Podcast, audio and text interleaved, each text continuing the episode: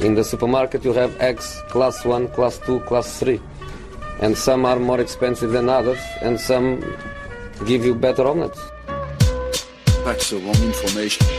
Wrong, wrong, wrong information. I didn't say that. That's the wrong information. Do you think I'm an idiot? Wrong, wrong, wrong information. Now look at me. Ja, välkomna till Sillypodden med eh, en helt ny röst. Eh, Obehagligt. Ja, det känns läskigt. Ja, det känns, ehm, känns starkt att kliva in här och försöka kliva in efter Patrik Syks eh, i hans skor så att säga. Ja, det är skönt att slippa stirra på Patrik Syks eh, valkade händer från hans eh, nysmidda jävla balkongmöbler och sånt där i alla fall. Det är vi glada för att slippa ett tag. Ja, det är trevligt. Eh, nu ska vi inte sänka allt för mycket eftersom jag har köpt ett sommarhus nyligen också. Det är klart, har du, Inga byggt en, har du byggt en rosportal till ditt Ja, jag har sommarhus? inte byggt en Nej, rosportal. det har Patrik Eh, Syk gjort. Ja, vi ignorerar vad jag har byggt för någonting. Jag, jag har fått, om vi ska lämna ut lite information om mig själv så har vi fått bekräftat att jag är inte den hantverkare jag hela tiden har vetat att jag inte är. Det är precis, jag är Ja. precis lika dålig på det som jag trodde. Som Patrik Syk ja. Eh, ja, jag har inte sett hans arbeten. Däremot så vet jag att det första som jag måste göra, vi, vi, jag kan tänka mig att flera lyssnare är oroliga. ja. Men Liverpool lever. Liverpool lever. Stärkande 4-0 mot Barcelona eh, senast och en missnöjd Senast Benteke. riktigt, riktigt Ja. dåligt efter det dock. Men, ja, eh, men 4-0. de- det är väl det- Benteke. Ja, Benteke. Ska vi ta upp honom igen, detta problembarn? Nej men det, han ska väl bort. Jag, jag förstår varför du börjar med Liverpool här. Du vill Ja. liksom smörja in dig här för, Jag för Patrik. Syks supportrar.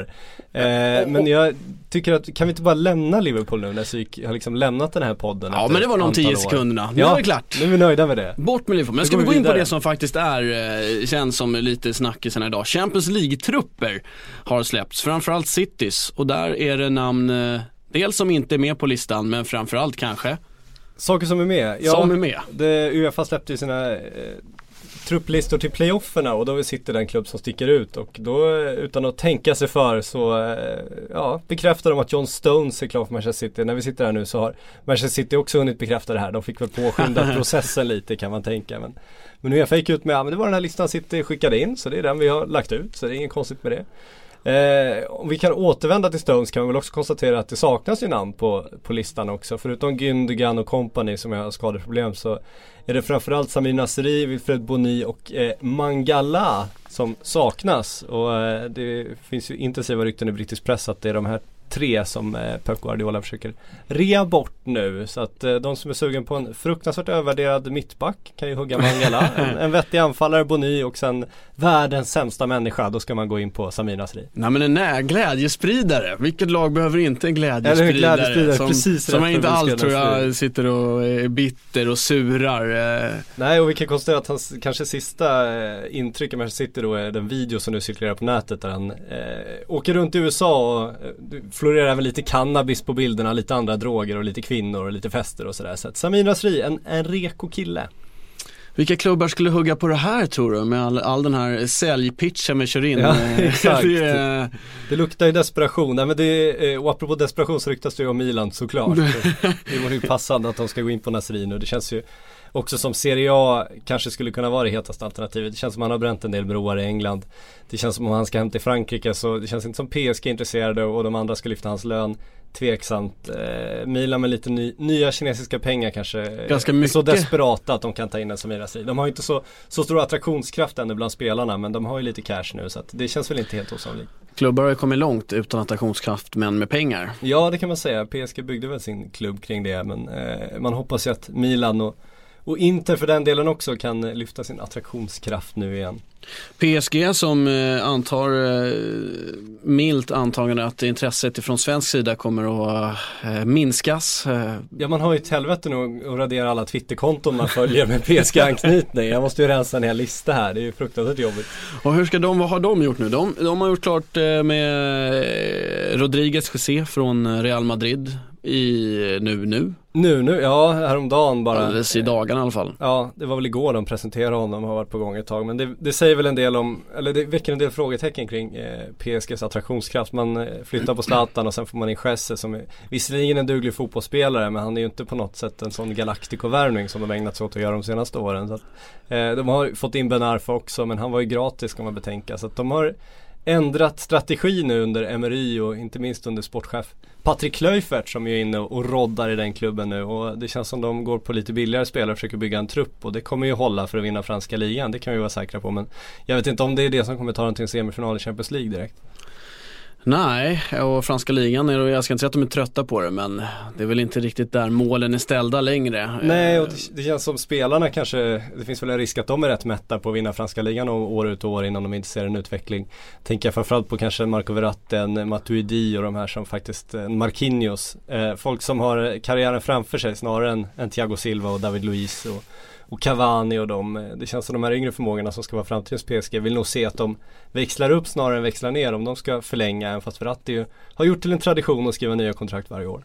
Men Matuidi, nu ringer det små klockor om att jag har hört hans namn eh, nämnas med en klubb som har blivit av med en annan stor spelare till eh, Zlatan-koppling. Jag tror att Juventus kanske skulle kunna försöka förstärka upp med Matuidi. Ja, rykten kring Matuidi i England också men Juventus känns som de de har väl Pjanic som ska ersätta Pogba känns det som. Så att det känns som att Matuidi är en annan spelare än Pogba. Och, och sen har de ju Khedira och andra som är bra skolade defensivt. Så att jag vet inte om de ska hugga Matuidi. Så känns det som att Matuidi kommer stanna nu också väl det senaste. Om man håller fingret i luften. Jag vet inte om PSG vill bli av med fler nu. Det här det... Framförallt eh, inte fransmän som de ju påstår att de ska satsa på. Ja då, är det- då är det bra att de har värvat in eh, spanjorer och eh, Ja, ja Krzyzjovjak och Visserligen, men Hatem, Hatem. Hattem. Ja men de har ändå fått in någonting där. Ja. Det blir, men City, det är ju eh, det är ju många som ska bort. Jag ska säga det också att vi har fått eh, vi säger jag snabbt i vi-form i- Ja, i. Sillypodden. Men det har ju bombats in frågor. Och där är ju en av frågorna liksom, vilka kommer att försvinna ifrån, eh, eh, ska vi börja med City som vi redan har varit inne på, vilka som, i den här truppen, Ja, i säger ju en hel del om vilka som inte är prioriterade. Så, så är det ju. Och Bonio och Mangala kan man nog räkna bort om det finns köpare. Det återstår väl att se. Nasri känns mer svårflyttad med tanke på lönekrav och annat. Men han vill de nog bli av med.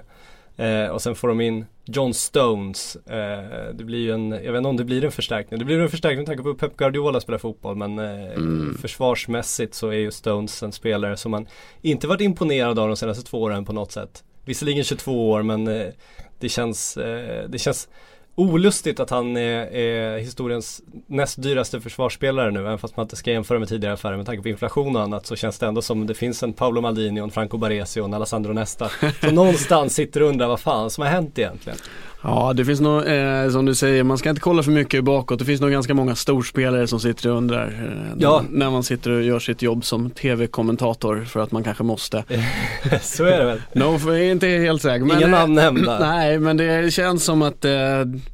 pengarna snurrar fort nu om man har lite flyt. Ja, och de gör ju det. Men man kan ju kolla på Mangala. Vi pratar ju ofta om den här inflationen. Eh, och det känns som vi har pratat oss eh, trötta på det. Men man kan väl konstatera att Mangala var alltså historiens 62 dyraste fotbollsspelare till Premier League. Om man kollar på inflationen hur eh, jämfört med hur mycket inkomsten har gått upp. Eh, och med den jämförelsen så kan jag tänka mig att John Stones inte placerar sig mycket högre på den listan än vad Mangala är. Så på så sätt så är det ju inte så jättedyra spelare om man tittar på det och sätter det i ett vettigt perspektiv. Men det blir ju ändå konstigt på de här historierna historielistorna när när de sitter där och, och triumferar. David Luiz, historiens dyraste försvarsspelare och John Stones nummer två. Två killar som fortfarande inte lärt sig markera ordentligt. Nej, det är galet. Det är galet. Men det är där vi är.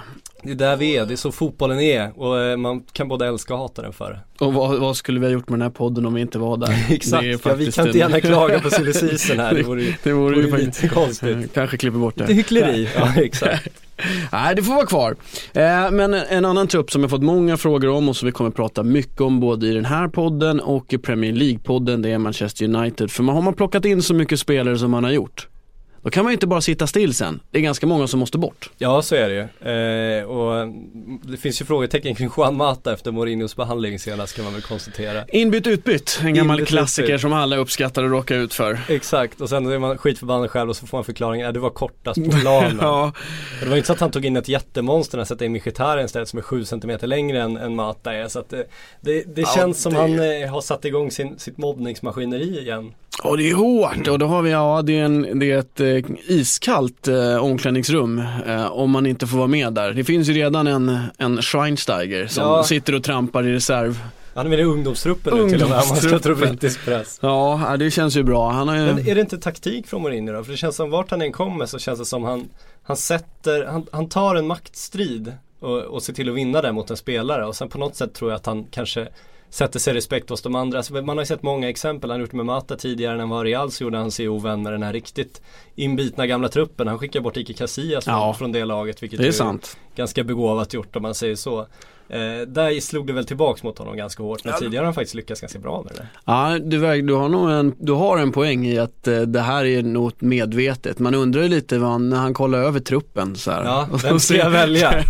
Nej men titta, här är ju Mata, han kan jag. Ja och här är Schweizer. Han har vunnit VM men han är inte så det bra var längre. länge sedan. Mm, Det var länge kanske sedan. blir bra, ja exakt. Det blir Ja, men det, det, kanske är mycket, det är väl inte alls omöjligt att anv- använda det som en, han är ju onekligen även känd för att vara, använda psykologi. Mm. Ganska mycket. Så att uh, i ett sätt att sätta avtryck på en spelartrupp. Kan dock känna så här att om, ehm, när Mourinho kommer in, alla vet redan. Ja, Han behöver faktiskt inte han behöver, inte, han behöver inte komma in och säga hej jag, hej, jag heter José Mourinho, portugis, eh, vet inte om ni har hört talas om mig men bara, för att ni, bara för att ni ska förstå att det är jag som bestämmer, jag sätter de här killarna i frysbox. Ja. Alla vet! Ja, alla vet på ett sätt men samtidigt ska man inte underskatta fotbollsspelares egon. Jag tror Memphis Depay fortfarande tycker att han är betydligt coolare än José Mourinho är. Ja okej, ja, det kan jag gå med på. Men, men eh, om han nu har satt de här spelarna i frysboxen. Det finns ju en spelare som jag har noterat eh, att det är ganska många som skulle vilja göra någonting åt. Fellaini. Ja, Varför är inte han i den här frysboxen? Är han för stor? Håret får inte plats. exakt det går så är inte. det. Maskrosen från Belgien. Ja, nej det var ju en, en, eh, en plågsam syn senaste matchen här när han och Michael Carrick skulle bilda något slags eh, produktivt in i mitt fält. Det gick ju enormt sakta. Du kan lika gärna Oskar Lewick och Daniel Andersson där. Det hade liksom gått lika mycket djupled med de två. Eh, det var inte bra. Det man kan tycka om Fellaini som Mourinho gillar, antar jag, som man, om man tittar på vad han gjort tidigare. Han gillar ju en cynisk fotboll tidvis och Fellaini är en nickstark spelare. Du kan få, i rätt roll kan du få ut ganska mycket av honom i matcherna, slutskeden och annat. Men han är ju inte en startspelare på innermittfältet och han, han passade väl platsen åt Paul Pogba kan man väl säga. Och han är definitivt längre. Ja, han är längre. Han är längre än Juan Mata. Juan Mata. Han är längre än Mkhitaryan. Han är Ja, lång. Perfekt byte till slutet av matchen när Ja, bollen exakt. ska bort. Exakt så. Men vi ska tillbaks till Mata faktiskt. Ja, du var inne på det. Jag vet inte hur många som har tittat på det men ni får gå in och googla lite ni som har missat den fantastiska reaktionen när förklaringen. Eh, vi antar Ja. att det är förklaringen när Mourinho, Mata, fruktansvärt missnöjd över det här by- bytet, står och kollar ut på planen och eh, det är en assisterande tränare där, Rui, ja, jag tappar namnet, som står och och eh, tröstar kanske fel det står och håller liksom om honom Ja. om axlarna. Och så kommer Mourinho fram och ska liksom ge den här förklaringen till, men du måste ju förstå, jag är José, vi, håller, vi leder, vi ska vinna kort, den här för matchen. kort. Du är för kort. Zlatan har gjort två- 2-1 alldeles Ja. nyss. Nu ska vi Han är lång, du är kort. Och går fram och säger, du är för kort. Ja, Och det flinet. ja. Så kommer när, när Mata då får plocka upp anledningen till att han har blivit utbytt. Och man vill ju se, man vill att han går in i omklädningsrummet, ställer sig, du vet gör sån när man var liten, klassiker. Tar fram Mkhitaryan, ställer sig rygg mot rygg exakt. strumplästen. Så jävla mycket kortare är fan Hur inte. mycket är det? Nej det är flinet. Ja, nej, det, men säger det, man allt. undrar hur han tänkte på planen också när skylten kom upp med hans nummer på med tanke på vad som hände i Chelsea och så. Han, han kan inte ha mått bra i det ögonblicket. Nej, han måste ju för övrigt ha mått ganska dåligt när det blev klart att José Mourinho ska komma. Om Det- vi ser på den här Ja, historiken. Också när han sitter på sidan och ser hur dålig Wayne Rooney är nu i den släpande anfallsrollen. Den roll Fruktansvärt Mata dålig. är, är, är allt som allra bäst på. Det är liksom, det hade ju varit en uppgradering alla dagar i veckan att sätta in Mata där, det är jag helt övertygad om. Men eh, ja, kommer han få någon chans? Vad händer? Det, han kommer antagligen inte försvinna i det här fönstret, det tror jag faktiskt inte. Nej det verkar ju som att han ska behålla Mata, han säger Ja. det själv i alla fall. Det Men han han sagt kanske- är att Schweinsteiger är den som inte får plats. Ja, Eh, så att vi får väl se om Mata kan bli lite längre, sätta lite hålfotsinlägg och annat kanske. Komma upp ett par centimeter men, ja, men han borde få chansen. Jag tycker också att de har ganska ont om Alltså den typen av kreativa Ja, mittfält slash anfallsspel. De har liksom snabba fötter som kan slå passningar. Ja exakt, för de har ju Martial och Rashford och de som erbjuder speed. De har Mkhitaryan som kommer komma in som en poängspelare. Sen har de Rooney som inte är bra och ett alternativ till Rooney hade ju varit Mkhitaryan eller framförallt då Juan Mata tycker jag. Så att, eh, och även spelare som kanske när man ska föra, föra spelet extra mycket kanske man har råd att spela med, med än mer offensiv innermittfältare än vad de gjort tidigare också och då kanske det finns platser där också. Så jag tycker definitivt det finns platser för Mata i truppen. Sen får man se om han och Mourinho kan dra jämnt den här gången. Ja, ja, det är som professionell fotbollsspelare känns det som att om man har lite otur då får man vara beredd att svälja en hel del skit. Så är det, samtidigt så får dimper lönechecken ner där den 25 och då, då mår man rätt bra igen tror jag. Ja, det, eh, vi ska, ja precis. Det finns eh, sitser och det finns eh, mobbade sitser. Det finns han, olika han har betalt platser. för att ta skit, det är väl det Ja. det går ut på också. Eh, Schweiner kommer väl också hitta någon klubb misstänker jag till slut, även om man kanske inte är hetast på marknaden. Men Italien, eh, kanske blir Milan igen då som är ute efter, elefantkyrkogården om de växlar in på den gamla taktiken nu. Annars finns det nog gott om tyska klubbar som skulle välkomna honom om han nu tycker att det är intressant. Tränare, där händer också saker. Eh, Mancini, nu är ju Inter inte alls långt bort från eh, seriepremiären. Nej, Men då byter man tränare. då byter man tränare. Som sig bör. Exakt, ja men det det påstås är väl att eh, Roberto Mancini varit rejält förbannad på Inter att det har inte kommit de värvningar han har blivit lovad. De har ju fått Ewe Banega från Sevilla som är en kanonförstärkning men han var gratis och sen har man gjort en värvning till i stort sett så att det har ju inte satsats. Och så påstås det också att han häromveckan veckan ska erbjuden ett nytt treårskontrakt av Inter, Mancini. Men sagt nej för att han inte eh, blev lovad en, ett större inflytande i värvningarna. Och det var väl någonstans där det skar sig kan man anta. Samtidigt som de är torskat med, vad är det, 0-6 och 1-4 och sådär i träningsmatcherna. Så att det har inte sett bra ut heller. Men, men då eh, kom de överens om att bryta och det känns som det enda rätta då. Även fast det känns tragiskt att det eh, inte ska börja om igen nu. Ja, man plockar in Frank de Boer. Ja, en katastrof tycker jag. Eh, något vi också är inne på hela tiden. En kille som aldrig varit i ligan, aldrig varit i landet, inte kan språket. Eh, ska in och styra upp en, en eh, italiensk trupp i ett italienskt lag, en italiensk liga på ett par veckor. Eh, det känns som en otacksam uppgift för en kille som också bara har en tränarmerit och det är från Ajax där han missat titeln de två senaste säsongerna. Så att, ja, han gjorde mycket bra som spelare men tittar man på, på fakta rakt upp och ner så är det fler frågetecken än utropstecken inför det här.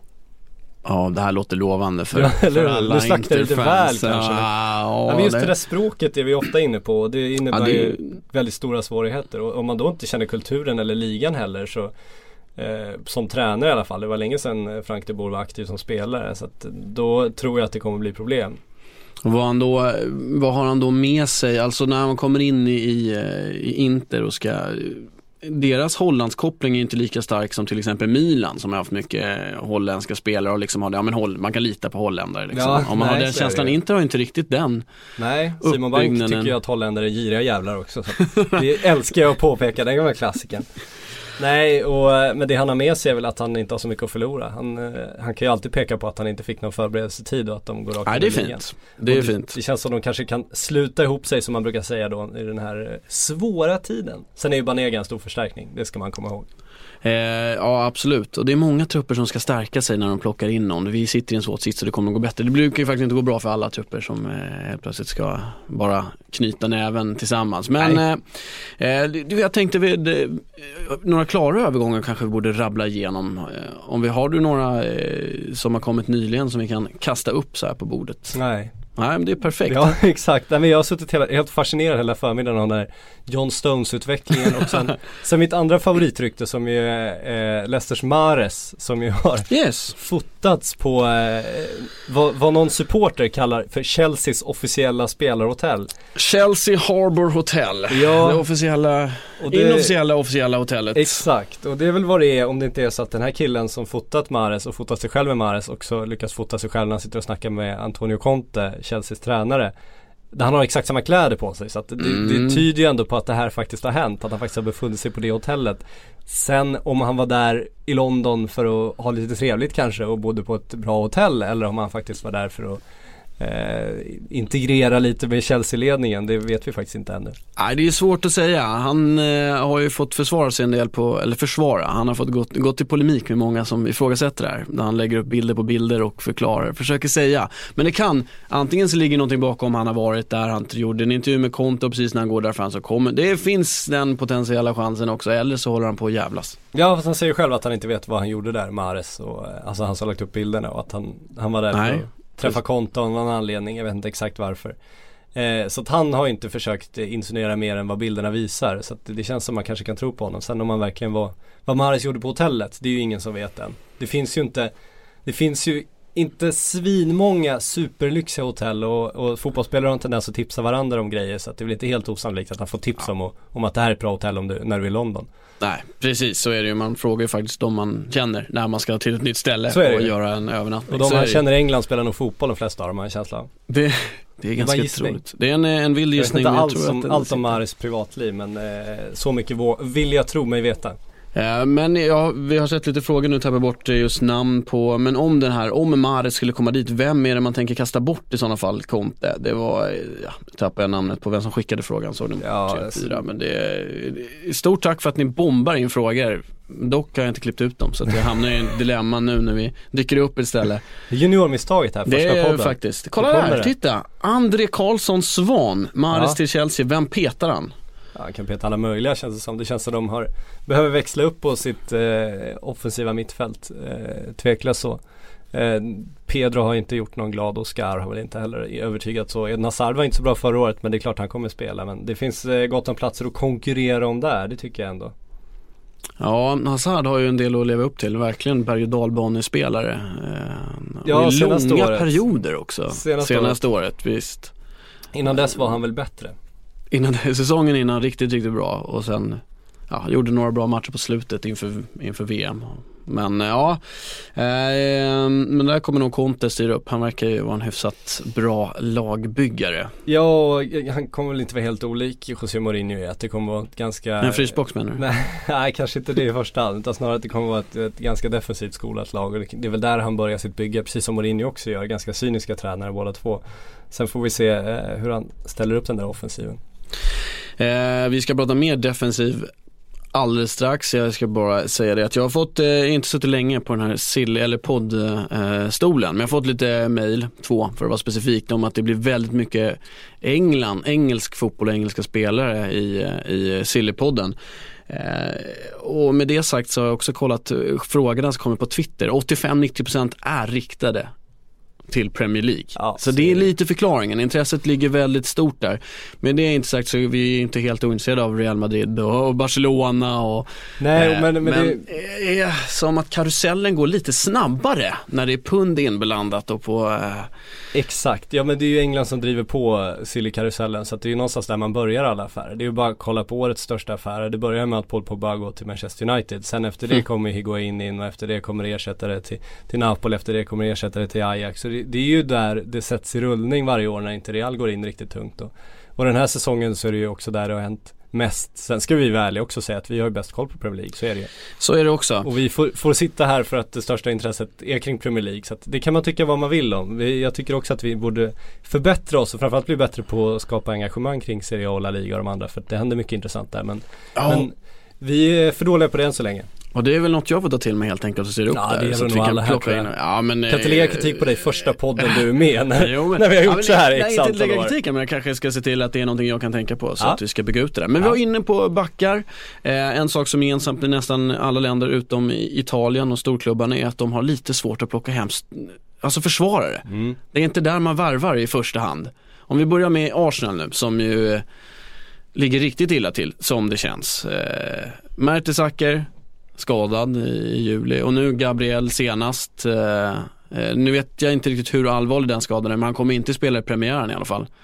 Ehm, där har de det tunt på mittbackslinjen. Två unga spelare, två unga, förlåt nu håller jag citationstecken, det är omöjligt för er att se men jag håller dem i luften. Två unga lovande spelare som det alltid är när eh, Wenger är inblandad i, i affärer. Unga lovande spelare, det är väl de man ska 20, värva nu. 22, ja men han har ju, eh, som det ser ut nu på sin, ehm, ja men det var ju frakt. Där har vi eh, Chambers och Holding, Holding värvar från Bolton. Det är vad de har som mittbacksalternativ för tillfället. Ja, där hittar du dina unga lovande spelare. Han vill ha fler unga lovande spelare. Han, vill ha- alltid ha unga lovande Ja spelare. exakt, ja, men det det pratas mest om är ju Red Bull Leipzigs Lukas Klosterman Han spelar eh, OS-fotboll för Tyskland nu 20 år i mittback, ni kan väl gissa ungefär hur han ser ut Tänk er Per Mertesacker minus x antal år så har ni Lukas Klosterman framför er eh, Så det är väl förklaringen till att det är så.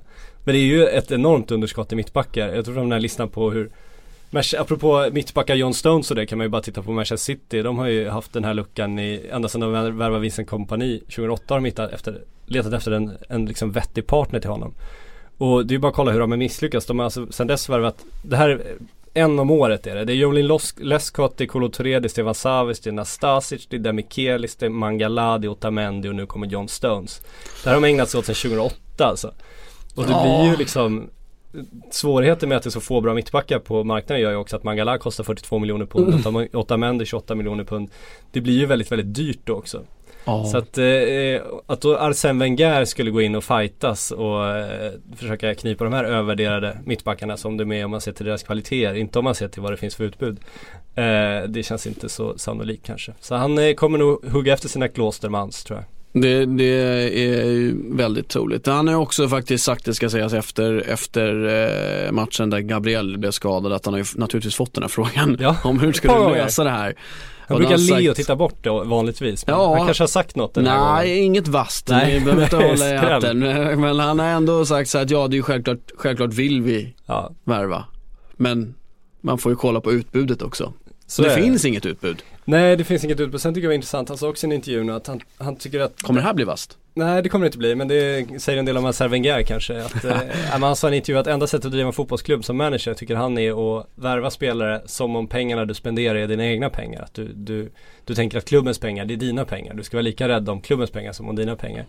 Och det är ju hedervärt på alla sätt och vis. Samtidigt som jag undrar om Arsène Wenger har har uppdaterat sig på hur stort inflödet är i hans kappsäck i så fall. Och var vi är nu i tiden. Ja, det, det är väl det man undrar hela tiden och eh, man väntar ju på att han ska växla upp. Han har gjort det i sina prestigevärvningar. Han värvar Mesut Özil och Alexis Sanchez och andra där han faktiskt har betalat för sig. Men om man kollar på den här inflationsräkningen som vi återigen hänvisar till så ligger de inte jättehögt och ska han ha en mittback av, av högsta klass då kommer det bli alldeles för dyrt. Då kommer han behöva betala ett överpris. Då kommer han behöva betala mer än vad spelaren, om man ser till kvalitet, egentligen borde vara värd. Så är det ju. Men det finns ju så litet utbud och det är så stor efterfrågan och då kommer ju liksom priset pressas upp. Så är det ju. En bakåtreferens. Skulle du köpa en bil av Arsène Wenger? Ja definitivt. Skulle Ja. köpa hur många bilar som helst av Arsène Wenger. Tyvärr skulle han förmodligen lura mig för att han är väldigt bra på att sälja. Men, men man litar ju på den gubben ändå. Han känns reko. Jag skulle inte Han köpa bytt- bil av José Mourinho om vi säger så. Han har bytt olja. Han har lämnat inne på service och han har hela fan tiden. tagit hand om den Ja, där kärran. det har han gjort. Han har inte som José Mourinho tryckt den och sen liksom bara kört skiten Kör den så tills låg den växel knappt som man bara trampar, bara och sen boxera bort den till affären när jag ska ta över den liksom. Nej. Nej, han hyr en bil, kör sönder den och bara ställer tillbaka den. Nej, nej men Så kör Wenger sönder alla sina spelare också men det är en annan historia. Ja det gör han sant, trots att han lämnar inne på Ja, service. exakt. Men det, för Arsenal del så känns det som att skadeproblemen har börjat tidigare än någonsin. De Ja. brukar ändå hinna in en eller två matcher innan Ramsey går sönder och sen går eh, Walcott kommer hålla någon match till. Sen så är det någon sträckning.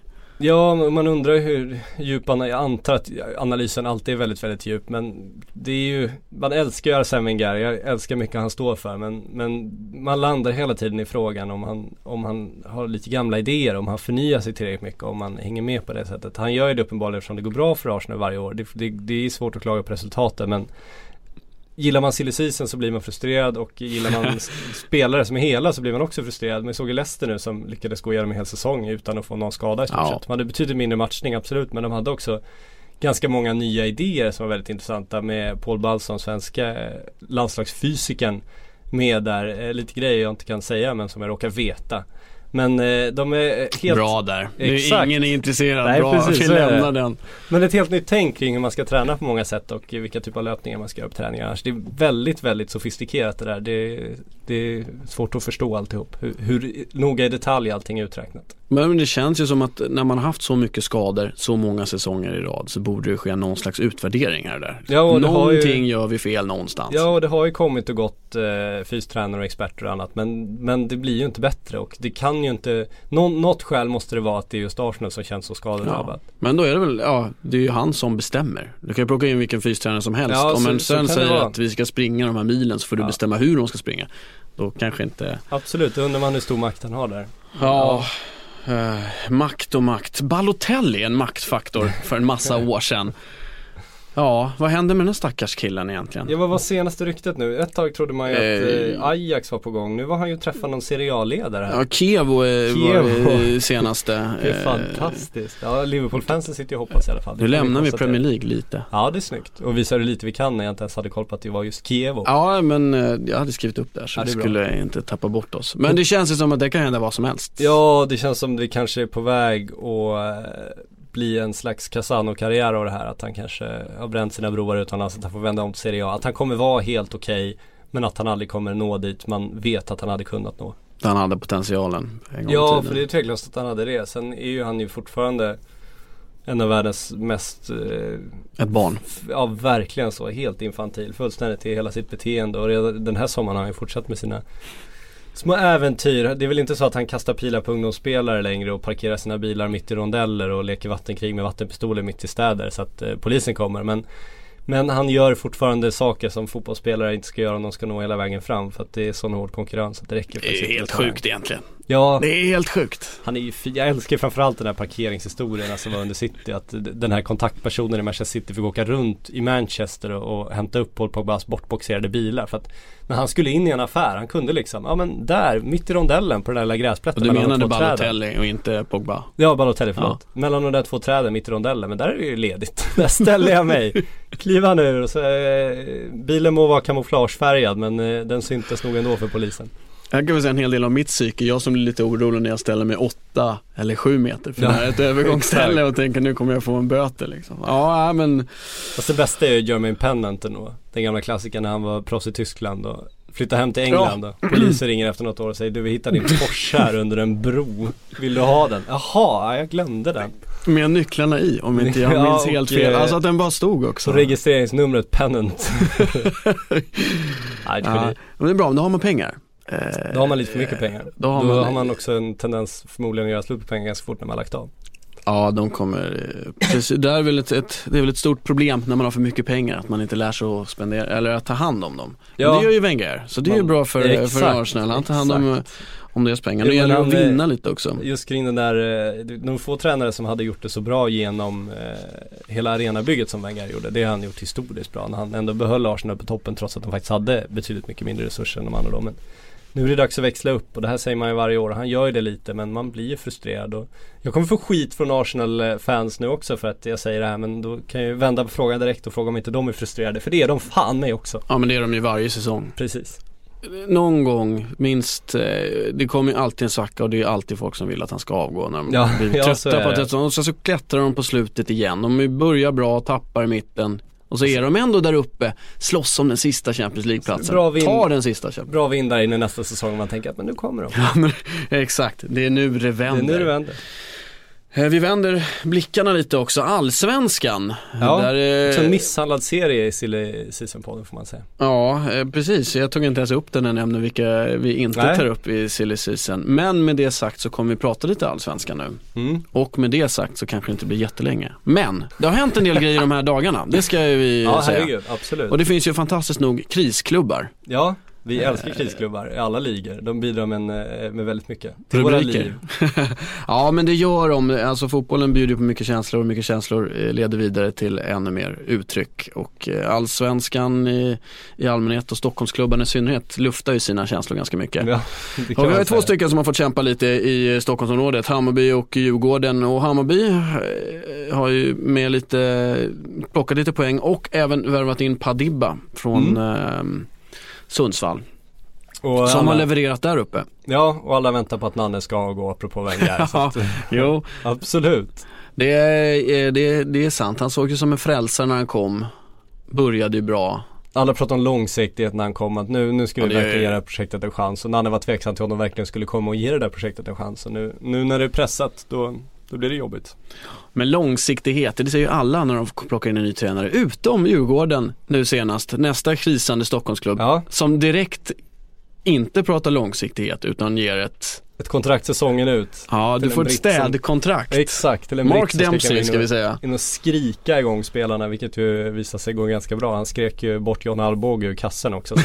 Ja, ja, det var, det var väl kanske vad Djurgården behövde i, i allmänhet. I det korta perspektivet. Sen kan man ju ifrågasätta I synnerhet vad Ranegi och anfall behövde, han fick ju göra mål. Ja, Dock det ju. ingen målvakt i det, men den satt ju ändå. Nej men det, ju- det här ser ju positivt ut för Djurgården såklart men det man kan ifrågasätta är om de nu håller sig kvar, vad, vad ska de göra i sommar? Eller i sommar, i vinter blir det. Då får de ju börja om på noll igen. Då är Ja. allt Pelle Olsson har försökt bygga upp borta och där står de igen och ska ta ett beslut kring vilken nästa väg ska bli. Så att det, det blir intressant att se dem, hur de resonerar då. Men just nu ser ju Mark Dempsey ut att ha gjort någonting med dem. Sen ska man ju vänta med att bedöma till efter några matcher för att veta den klassiska första effekten som brukar komma. Ja, och med ja, den första effekten, de fick ju hyfsad hjälp dessutom i den här matchen. Det ska jag säga. De har ju inte vänt så många underlägen den här säsongen. Eh, hamnar i underläge och får snälla mål utav Alvbåge. Eh, Ja. Och det behövde eh, trasiga spelare. Bra, bra lag har tur. Ja, Kanske inte Eh, gäller den här gången men. Som eh, Ranegi sa i, efteråt eh, att ja vi fick några mål, vi har å andra sidan bjudit alla andra lag på mål i hela säsongen så det är kul att vi får något. Skön passning neråt i, Ja, i, i, i ligan. Publikfavoriten Mattias Ranegi. Ja, eh, se om man kan vända den, den trenden. Henrik Larsson, eh, Ja. som ju alltid är en publikfavorit i alla fall så länge han spelade. Där eh, har de också lite kris. Samma sträcker de ner och bråkar om. Det är kvalspel som gäller. Eh, det är det som gäller att undvika i alla fall för Mm. Henrik Larssons Helsingborg och Hammarby och Djurgården. Samma. Plockar in Jesper Lange från danska Århus. Eh, ja, de, de måste ju också börja leverera. Frågan är hur? Ja det måste de göra och man ser väl hur djup krisen är när Henke stoppar Jordan från att åka till OS till och med. Jag älskar ju hela motiveringen kring det där. Ja men vi har haft en bra dialog hela tiden. Det är så här, ja men hur fan gick den till liksom? Jordan går till ditt rum, håll käften, du åker inte liksom. Ja, jag tror inte, jag tror inte att det varit en så lång diskussion. Nej jag tror inte heller, jag tror inte de har haft så här djup, djup, eh, alltså vänt argument mot varandra heller. Utan det har nog varit ganska klara, tydliga, raka besked där, en känsla. Men hur hade du gjort i min, när du var där? Exakt. Jag hade lyssnat på min pappa. Ja, Ja, ja, precis. Då så. Ja. Ja. Sen gör ju Henke rätt såklart. Han ska ju tänka Ja, men han på måste ju göra så. Ja, så att eh, det, det går ju liksom inte att skicka iväg någon på OS då. Tyvärr, när OS ligger som det ligger och det blivit en kalanka turnering Robert Laul så fint har eh, utnämnt den till. Ja, men den har väl nästan alltid varit det. I alla fall i herrarnas del ska sägas. Där, där ju inte de bästa spelarna är där. Ja, alltså Förutom Neymar då, fast Nej. han inte gör några mål. Nej exakt, de skriker på Marta från publiken. Nej men ta bort fotboll från OS, jag tycker att det är I alla fall på det sätt som det är. Ja men vad fan, alltså herrfotbollen, jag tycker OS ska vara, det ska vara det största för respektive idrott. Så ta bort de som inte värderar det högst. Jag tycker det är så Nej. enkelt. Jag tycker fotbollen ska bort, jag tycker golfen redan ska bort. Ja, Det, det går att rensa lite där, det finns idrotter som, för det behöver inte ha, alltså, det är ingen som, OS kommer inte bli större för att herrfotbollen är med. Inte ens om, om de största stjärnorna kom tror jag att det skulle lyfta OS så mycket högre. Jag tror Nej, det att det tror kan inte bli så heller. mycket större det skulle snarare bli eh, en konflikt. Ja, det skulle svår. förstöra mer för herrfotbollen än det skulle gynna den i sin tur också tror jag. Så att nej, våga klippa bandet där. Låt damfotbollen vara kvar där den värderas högt och så gör gör vi något annat med herrfotbollen. Och då får damfotbollen se till att leverera lite nu. Viktig match för övrigt. Eh, natten mot imorgon när den här podden spelas in. Så är ska det. sägas. Pia Sundhage, när vi har pratat tränare. Eh, det kan bli hennes sista match i landslaget. Det kan det bli. Sen ska man ju titta på vad vi har för material där också. Vi har ju ett betydligt sämre lag. Alltså vi har ju vi har inte fått in en ny bärande spelare sen Lisa Dahlqvist kom in i stort sett. Det finns ju ingen eh, återväxt överhuvudtaget. Vi litar fortfarande på Caroline Seger, Lotta Schelin och det händer liksom. Och Nilla Fischer. Det, det kommer det- ju inget nytt underifrån så att jag tycker att hon har, eh, hon ska inte ha så mycket skit Sundhage. Hon har inte så jättebra trupp. Nej, det, så kan det vara men ändå så har spelet inte på något sätt förbättrats. eh, Nej, det har det inte. Nämnvärt. Nej, hon- Lotta Schelin, jag håller med om att Lotta Schelin och eh, de har ju blivit äldre i samma Ja. takt som det här går. Det går ju år efter år och nu inte längre ett utlandsproffs. Det säger ju en del också om att ja, de har nog tappats x antal procent i Ja så är det och det finns inte de som pressar dem heller och kräver dem att prestera och testar och utmanar deras platser utan Men det som ligger emot Pia också är att hon har ju väldigt höga ambitioner och talar igenom sina ambitioner också. Så att förväntningarna piskar hon ju upp själv och sen eh, är det svårt att motsvara dem. och det funkade bra i USA. Det gjorde det när man hade världens bästa landslag. Eh, världens bästa material i konkurrens med, ja, med Tyskland och Brasilien och Kina och lite andra som har bra Och lag. kanske nästan världens bästa förutsättningar också. Ja det hade de ju definitivt. College-aktigt alltihop. Det är väl som USAs hockeydamer nu. Nu glider vi bort. Nu, får vi, Ja, nu, ska, nu ska skiten att vi bara pratar om Premier League, den ska bort. Ja. För USAs hockeydamer ligger ju, eller Kanadas här- hockeydamer det här är ligger det ju jag har tagit tag i. Exakt, ja, de sitter ju instängda ett helt år nu eh, inför OS, två år inför OS i Pyongyang. De ska väl vara instängda sista året och, och spela tillsammans, Exakt. träna tillsammans varje dag ett år. Så Alla flyttar till Calgary är det, Ja, det det staden väl. som stämmer va? Ja, eh, ja, fruktansvärt smärtsamt sätt att göra det på. Och det känns lite fegt också eftersom de redan är fullständigt överlägsna. Ja, undrar, det- är, det, är det en investering väl vä- värd att göra det här? Jag vet inte, för kolla med Leif Bork eh, som får ha sina spelare Ja, får det. några helger här där i, i Norrtälje och andra läger som de åker på. Sen så åker de just det, de åker även över och får stryk, storstryk mot Ja men de lär sig. Kanada och USA De lär varje sig, år. De lär sig. De lär sig. Vann för övrigt i natt ska sägas. När jag sa precis att de förlorade, de vann med 2-1 eh, i övertid. Ja, du ser. 13-43 skott men vinner ändå med 2-1. Ska vi ta oss ännu Bra längre bort från målvakt. Premier League? Ja, nu Ännu börjar jag bli orolig. Ännu längre bort, då ska vi Nej, till vi är- Kina. ja. Kina måste vi till, för att det var så jäkla bra inför hem-OS Kina. Apropå att stänga in folk så tog de ju ett, ett short track-lag i skridskor som de inte tyckte var tillräckligt bra. Och så sa de bara, nej tjejer ni ska ro. Så fick de ro. Eh, By, så de blev, fick de byta sport? ja, vi bytte sport. Blev de heltidsproffs eh, och tog hem ett OS-guld Enda laget som var heltidsproffs. Bästa, för, bästa träningsförutsättningarna, fyra år stenhård träning, pang, OS-guld. Ja, här har vi något att lära oss. Jag vet inte SOK vilken sport vi Ja, ska exakt. vara. Det finns ju, eh, problemet här är väl att vi har ganska många sporter där vi, in, där vi är mediokra. vi kan plocka men folk. Eh, om vi ska ta, t- tillbaks till fotbollen då så hade ju Kenneth Andersson en, eh, en strategi när han var eh, Serie A-proffs i Italien var det väl. Inför att han skulle runda av sin karriär så var han ju jäkligt sugen på att vara med på ett OS och då funderar han ju på men vilken sport är mest realistisk att komma dit med. Och då tänkte jag, men Ragnar Skanåker han skjuter ju fortfarande, han är ju över 60 år. Så skytte, då har man gott om tid. Konkurrensen kan vara ganska svag. Och om han då med sina ekonomiska förutsättningar ägnade sig fullt, fullständigt åt skytte då skulle han faktiskt ha realistisk chans att komma till OS. Tyvärr gjorde han ju inte det här men det hade varit väldigt intressant att se om han hade liksom satt det exempel där. Det här har varit fantastiskt. Ja det har varit intressant. Så att, eh, jag, jag gillar hans teori. Jag tror att han hade nog haft goda möjligheter. Med tanke på att han ändå hade tävlingspsyket, nerverna, han hade testats på högsta nivå, han hade uppträtt Ja, för x antal människor. Han hade liksom, pressen hade nog inte varit så stor. Om man då verkligen fullständigt och hängivet hade tränat skytte i tio år. Varför inte? Svordom att han inte gjorde det. Ja eller hur, det hade varit så fruktansvärt intressant. Själv har man ju så funderat så här, om, eller någon gång funderat så här, om man skulle satsa i nuläget så här, på att försöka nå, bli väldigt bra Ja. i någon sport, vilken skulle man ta? välja? Liksom? Golf skulle jag ta tror jag. Jag skulle inte ta golf. Nej. Jag tror Vad skulle du ta? Ja, jag, är så frukt, jag blir så fruktansvärt då arg. Ja okej, ja jo det är sant. Och slår jag då ett dåligt slag, då bär jag med mig det i 18 Ja, hål till och kommer vara galen. Jag vet inte, jag tänker mig att eh, Skytte tråkigt. Nej jag tror, skytte skulle inte jag klara av, jag skulle Nej. bli så less på det Ja. liksom. Och så ska jag sitta och sikta på samma punkt Ja. hela jävla tiden. Ja, det är redan... segt. Men jag, har funderat på, ehm, utan att nedvärdera någon sport, Ja. det krävs ju naturligtvis massa timmar. Absolut. Ja, men, men curling har jag tänkt på. Ja.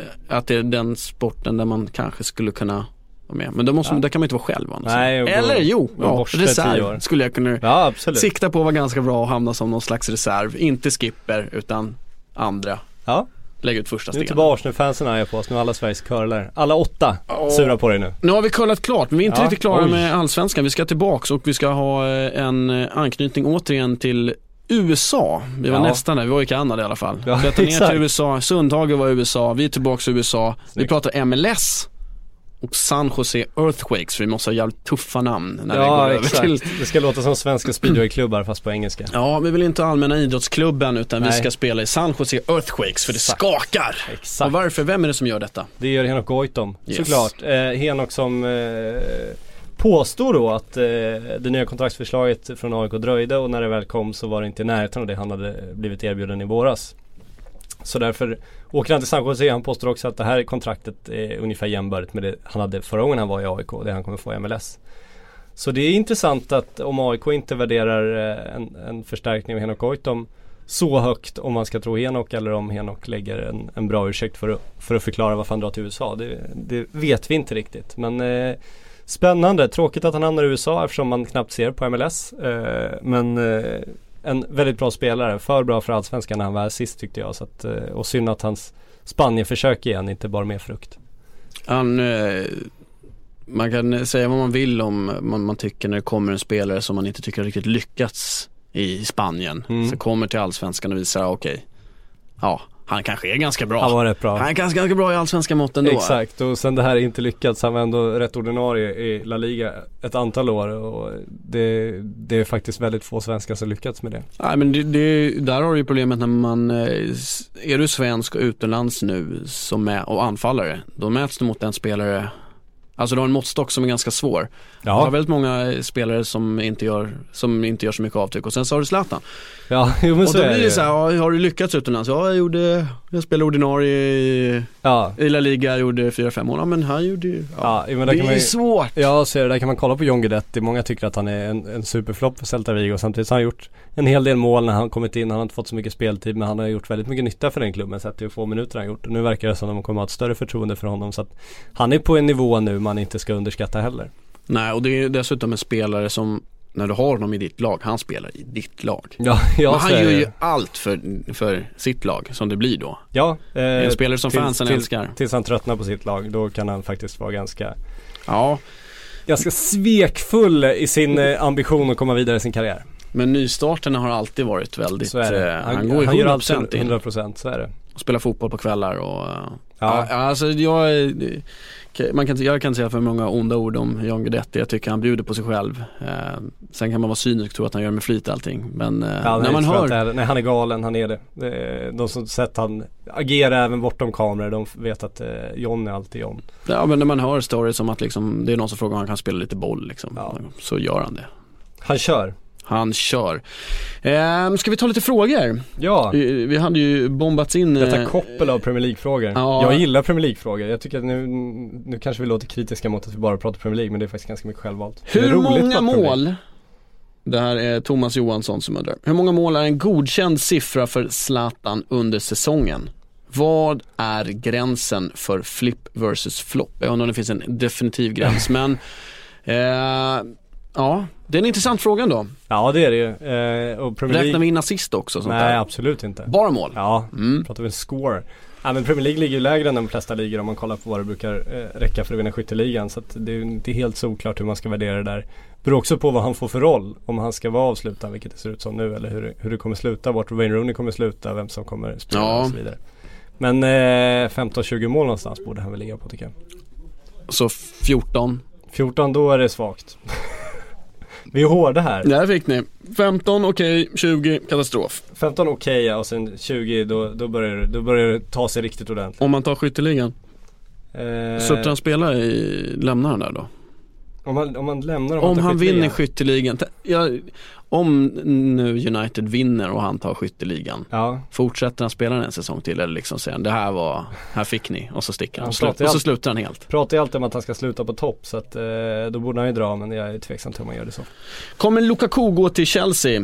André Karlsson Svan, du får din andra fråga med ehm, här. Det var ju snyggt. Kommer Lukaku gå till Chelsea? Ja, Lukaku, Lukaku. Har, ju en, har ju en agent just nu som har väldigt mycket att göra i Manchester. att eh, vi får se hur, hur, Så han kanske ska gå dit. vi får se stämningen blir när han åker över till London. Eh, Everton vill ju ha samtal med Lukaku, framförallt med Mino Raiola påstås därför att de är där trötta på på att det, det händer saker bakom kulisserna där någon eh, smidig holländare försöker hitta intressenter kring Lukaku, för så är det tveklöst.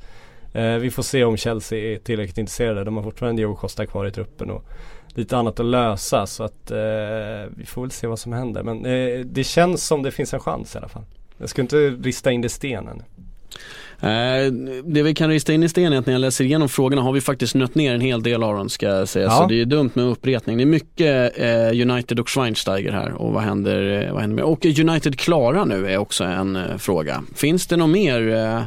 Nej, om man skulle tro kunna José in. Som ju varit faktiskt brutalt ärlig under den här sommaren så är de klara nu. Så jag tror faktiskt att de är det också. Han petade Schweinsteiger för att han tycker att han har för många spelare så att det känns osannolikt att han skulle ta in någon mer. I så fall Han har fått en mittback nu, Erik Bailly som eh, eh, är bra. Eh, han har ytterbackar där han tror på utveckling tror jag. Luke Shaw, Antonio Valencia är bra offensivt, kanske inte så bra defensivt. Men han har ju eh, fler alternativ där, en italienare också. Eh, och mittfältet ser väl bra ut med Pogba nu så jag tror att han är färdig. Ehm, ja, det, det borde vara klart nu. Alltså Ja. han har plockat in ganska dyra spelare. Eh, Det har gått väldigt många siffror från ett konto ut till Ja, fruktansvärt men- många andra konton. Men samtidigt så är det, Zlatan var gratis, Erik Bailly var Ja. inte hiskeligt dyr, Mkhitaryan var helt okej pris på. Pog- Pogba var väldigt, väldigt dyr men de har råd. Om man ser till vad de har liksom ökat utgifter från förra året till i år så, så är det inte så himla mycket. Om man ser till hur mycket tv-avtalet stigit så är det betydligt mer. Så jag tror inte att United sitter i någon finansiell kris direkt. Vi har en, eh, William, William skickar en något spännande fråga. Får vi någon mer stor värvning i detta fönster? Vem i sådana fall och till vilken klubb? Lukaku eh, vill ju flytta på sig, det tycker jag att man kan slå fast. Sen är det oklart där. Sen ska Real göra någonting. De eh, sitter ju fortfarande still i båten. Väldigt still. Ja, de har ingen Galactic och det pratas ju mer och mer om David Alaba, eh, Bayern München. Eh, och det vore ju en, en dyr värvning men det vore ju såklart en svinbra värvning. Det är en kille som eh, skulle passa in på många sätt. Han kan spela både Mittback, ytterback, mittfältare. Eh, Zinedine Zidane vill förstärka defensiven tycker jag ganska uppenbart. Eh, och eh, det känns som Alaba är en drömspelare för alla klubbar. Sen, han är nog sugen på Real, det tror jag inte. Det tror jag men sen får vi se vad Bayern München kommer kräva för att släppa honom. Ja, Bayern München de brukar vara bra på de här grejerna. Det brukar de vara. eh, Och sen ska man komma ihåg, han är inte den typen av reklampelare som Pogba eller Gareth Bale var eller Cristiano Ronaldo var. Så han kommer nog inte kosta en miljard. Men om man ser till hans kvalitet så är han ju förmodligen en bättre fotbollsspelare på många sätt än vad eh, nästan kan vara i Pogba-klass sett till kvalitet. Eh, betydligt bättre än vad John Stones är i alla fall. Så Mm. att han bör ju kosta mer än så. Samtidigt ska man komma ihåg, Real Madrid, inte jättemycket pengar trots allt.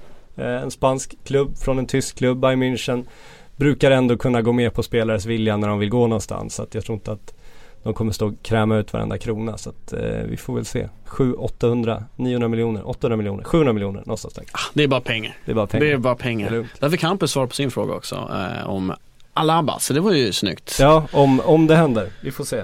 Ja, Men eh, det om känns som det hetaste Galactico-spåret just nu om man ser till vad spansk press Ja, det var den största, precis. Ehm, Jag hade ju i hjärnan redan sparat in en annan eh, den försvann. spelare. Den försvann, det är ju klantigt.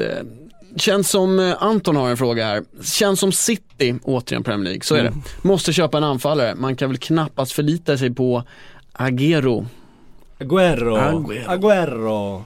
Ja, nej, jag, är, jag är inte helt eh, säker på att City City kommer köpa en anfallare. Nu råkar jag säga shit och inte City. City, City. Nej men Pep Guardiola gillar att göra mycket av sina trupper om man säger så. Så att eh, jag tror, jag är inte lika säker som Hampus var det. Nej, det här var Anton. Anton, som Anton på att eh, han ser behovet av en anfallare där. Sen ska ju tydligen Bony bort och då kan man ju spekulera att det kanske öppnar sig någon, någon lucka där. Eh, men samtidigt så har de fått in Leroy Sané, han skulle kunna lira anfallare om det vill, vill till. Eh, vi får se. Men eh, att de inte flyttat på Jaja än är väl det största frågetecknet. Nolito har de ju också. Han är ju en anfallsförstärkning de redan gjort. Ja, just det. Så är det Och det var ju bra för vårt tidigare ämne, John Guidetti. Ja exakt, det öppnas ju eh, en möjlighet Celta Vigo. Att man värvar Nolito tyder också på att man breddar sitt anfall snarare än att man är ute efter spetsare. Så jag tror de är rätt nöjda på anfallsfronten. Vi pratar ju alldeles för lite norsk fotboll här. Jag har Absolut. lyssnat igenom alla poddar, Ja. jag alldeles för lite. Ja, Men nu gör vi det. nu gör vi det. Ja, jättekort. Fan. Ödegard. Ja, Eh, vi var ju inne på Real Madrid. Han kommer ju inte spela i A-laget. nej det kommer han inte göra. det får man inte göra. Eh, Zinedine har väl, eh, Zidane har väl redan, har ju haft honom redan i eh, reservlaget en del. Ja, Så att han vet vad han, vad Han han får ut. Han verkar inte helt nöjd. nej han har koll på honom. Eh, sen får vi se, alltså det finns ju Det pratas lite utlåning. Ja det gör det. Samtidigt finns det lite oklarheter kring hur det här eh, värvningsstraffet mot Real Madrid egentligen ska tolkas sen. De, ska ju, de har ju överklagat sitt eh, värvningsförbud som sen ska gälla i två fönster. Och det finns lite oklarheter kring om de skulle få plocka hem Ödegård om de lånar ut honom. Tidigare har det fungerat så att man får plocka hem sina utlånade spelare. Men jag vet inte om du fick plocka hem dem du lånat ut under tiden det här har gällt. Så att det, det finns vissa oklarheter där de eh, väl får reda ut. Men han behöver en utlåning och det ryktas ju om Premier League. Eh, det pratas väl mot West Ham till och med. Eh, Precis, och det jag läste senast i alla fall. Ja, och det känns som han, redan när han gick till Real Madrid var vi inne på att det här är liksom det, är det dummaste beslutet du kan ta om det ska utvecklas. Det är som när Samuel Gustafsson väljer att gå till Torino nu, det känns lite skakigt alltihop. Eh, man undrar hur de ska få A-lagsspel. Eh, så att eh, Martin Ödegård borde gå någonstans där han definitivt får spela. Jag tror inte West Ham är adressen och jag tror faktiskt inte på en utlåning heller för att av den anledningen att om du lånar en spelare så tar du inte honom för att utveckla honom utan du tar honom för att mjölka skiten ur honom ett år och du har liksom Ja. inget intresse av att han ska bli bra i framtiden. Så jag tror inte det gynnar unga talanger att gå på lån på det sättet. Visserligen de kan få speltid men jag tror inte att utvecklingen är det bästa. Ska han få maximal utveckling tror jag att han måste byta klubb permanent. Så enkelt är det, tror jag. Utlåning till holländska ligan brukar ju funka. Ja då kommer han få spela, han kommer väl imponera men jag vet inte om han nu Om håller den nivå han tror sig hålla så tror jag inte att holländska ligan är bra nog. Nej. Eh, så att äh, han borde byta klubb, han skulle kunna Men han kan sitta riktigt illa till. Eh, på sätt och vis då. Med tanke på om Real Madrid inte får låna ut för att de inte får plocka tillbaka. Då Om kanske de inte så. vill. Nej och samtidigt så borde de när det gäller just Ödegård en så ung spelare så borde de kunna låna ut honom en längre period då istället. Ja. För han kommer inte vara aktuell för deras A-lag på tre år. Nej, om ens känns det som. Om ens så. Så att, äh, men gå någonstans Om där han får speltid. Enzo Zidane. Enzo, exakt. Nej, här snackar vi grejer. Ja. men utlåning och eh, gärna med en, eh, om du ska bli utlånad så gärna med en klausul då som gör att den lånande klubben kan köpa loss det om det imponerar. Så att de ändå har något intresse av att du ska utvecklas. För att eh, kort, korta utlåningar tror jag är farligt framförallt i den åldern. Ja, nej, jag förstår. Det blir ju en risk för klubben som plockar in. Om man gör någonting, en sjukt bra spelare, blir bärande typ under den säsongen. Ja Och det är sen, ändå en eh, kortsiktig lösning och sen har de ingen intresse, och är han dålig då i tre matcher så har de inget intresse av att ge honom åtta chanser till utan då kommer han hamna på bänken. Nej. och Nej, det den, finns ju ett visst antal klubbar du får spela för varje år så att misslyckas man i en klubb, det går inte bara att hoppa vidare. Hugo Alfredsson, här är en eh, fråga direkt till dig Patrik. Vilken är din favoritvärvning hittills? Du glömde parentesen där. ja, parentes, om du inte får välja den gode Ragnar K. Ragnar K är allas favoritvärvning. eh, alltså man gillar ju John Stones eftersom du är Uefa som bekräftar den. Bara det gör ju den väldigt härlig. Sen gillar man Paul Pogba eftersom han drog ut så fruktansvärt mycket på tiden och Mino Raiola lyckas förhandla till sig 200 miljoner i Ja. egen ficka. Galenskapen i den. Men eh, nu är jag tråkig nog och säger Zlatan ändå bara för att eh, det höjer tempen på Premier League som ju är vår favoritliga i den här podden om ni missat det. eh, så fruktansvärt mycket. Som att- om möjligt höjer på eh, tempen ska Exakt, sägas. Nej, men så den, eh, den är riktigt het. Sen Kevin Gamairo, Atletico Madrid också. Han nob- nobbade ju Barcelona för att han tyckte att han skulle få bristande speltid där. Han gick från PSG när Zlatan kom Säsongen efter Zlatan kom när han insåg att han inte skulle få spela där. Valde med omsorg ett Sevilla där han såg en, en stor chans. Fick möjligheter där. Slog sig in i laget, blev en bärande spelare, vann Europa League ett antal gånger. Skulle ta nästa steg, fick anbud från Barcelona, eh, insåg att jag kommer inte få plats där i det anfallet och blev bänkspelare, det är jag inte intresserad av. Gå till Atletico Madrid där han har en Diego Simeone som vet vad han Mm. får ut av honom, en snabb spelare, en gammal favoritspelare till mig. Så han tycker jag är smart, det känns som att han tar rätt steg i karriären. Han har byggt en bra karriär med, med inte så stora resurser ändå. Han är inte någon, någon supertalang på det sättet, han är ganska late bloomer ändå. Så att, det tycker jag är imponerande, han eh, hoppas jag det går bra för. Han verkar med andra ord smart och har bra rådgivare. Ja, han och inte bara tänka pengar. Exakt, det är inte bara en eh, Mina Raiola som tänker att oj jag får 200 miljoner och Paul Pogba flyttar. Ska jag ta honom till ett Manchester United som är i ett väldigt skakig fas i sin utveckling, som inte kommer spela Champions League, som har fått en ny tränare där ingen vet riktigt hur det kommer gå. Eller ska jag låta honom lira ett välfungerande Juventus som utmanar Champions League år efter år, som är en stabil titeljagare i Serie A som lär spela hem titeln utan problem i år igen och sen ta honom till Real Madrid. Ja, mm, man kan tänka vilka råd Pogba fick. Han fick eh, inte alls plånboksbaserade råd. Nej exakt, framförallt Manchester Evening News, den mest trovärdiga källan på Manchester United Påstår att Pogba inte ens ville till United i början av sommaren utan att han ville Nej, till. Real Madrid eller Real. stanna i Juventus och sen ska Raiola övertalat honom med Mourinho-kortet. exakt och sagt att ja men om du gör tre bra, bra år under Mourinho och låter honom utveckla dig Då eh, kan vi sen ta dig till Real Madrid och då då ska Po- den gode Paul precis ha, eller jag har gått med på det till slut men man undrar ju, det går ju inte att att inte undra om det som drev Mino Raiola i den övertalningen verkligen var Mourinho eller om det var 200 miljoner i egen ficka. Den frågan går ju inte att komma ifrån. Alltså själv är man ju lite av ett föredöme vad det gäller he- hederlighet och sånt där. Ja. Så jag skulle ju naturligtvis, om jag hade varit rådgivare, helt ignorerat de här 200 miljonerna och gått enbart på vad som är bäst för spelaren. Ja, man- Eller så hade jag kollat på 200 miljoner och tänkt vad jag kan få för 200 miljoner. Ja, men 200 miljoner snabba pengar eller eh, få Paul Pogba att bli världens bästa fotbollsspelare och sen kassera in betydligt mer. 200 miljoner, Okej. Ja, du, du talar för Raiola också tror jag. det verkar så. Det verkar så. Ehm, ja, jag undrar om inte vi kommer stänga den här Silly Season-podden. Har du någonting du vill tillägga? Har jag missat någonting i... eh, Nej, I jag upprullningen. Nu har vi fått eh, prata av oss. Vi har pratat av oss och ni har lyssnat av er om ni har hängt kvar hela vägen hit, vilket ni naturligtvis har. Jag tror vi tappade en del där på vår utläggning om eh, norsk Damkronorna, fotboll, tror du om damkronorna, om kinesisk rodd och annat. Fast var man med hela vägen så såg man den solklart röda tråden Ja, som gick igenom den. Vi borde lägga in något kodord här som man lite kreddigt kan använda på Twitter för att visa att man lyssnar på hela podden. Hmm, det här är väl något som vi ska bygga ut ett system. Ja exakt, så alla Lägger måste in- hänga kvar. Ja men det kanske blir så att vi kommer ha ett telefonnummer Ja, eh, som lägger en till Patrik siffra Syk. här och där. Vi droppar ut hans personliga telefonnummer. Ja, det vore trevligt. Om ni vill ha något till tips, på hur man gör en rosportal, då får du bara ringa. Eller bara vill prata Liverpool, för det måste vi Ja. säga att procentuellt så har det inte varit mycket Liverpool trots allt snack om Premier League. Med det sagt Ja, vi knöt ihop det fint. så stänger vi det här. Tack för att ni har lyssnat. Vi hörs igen och Information.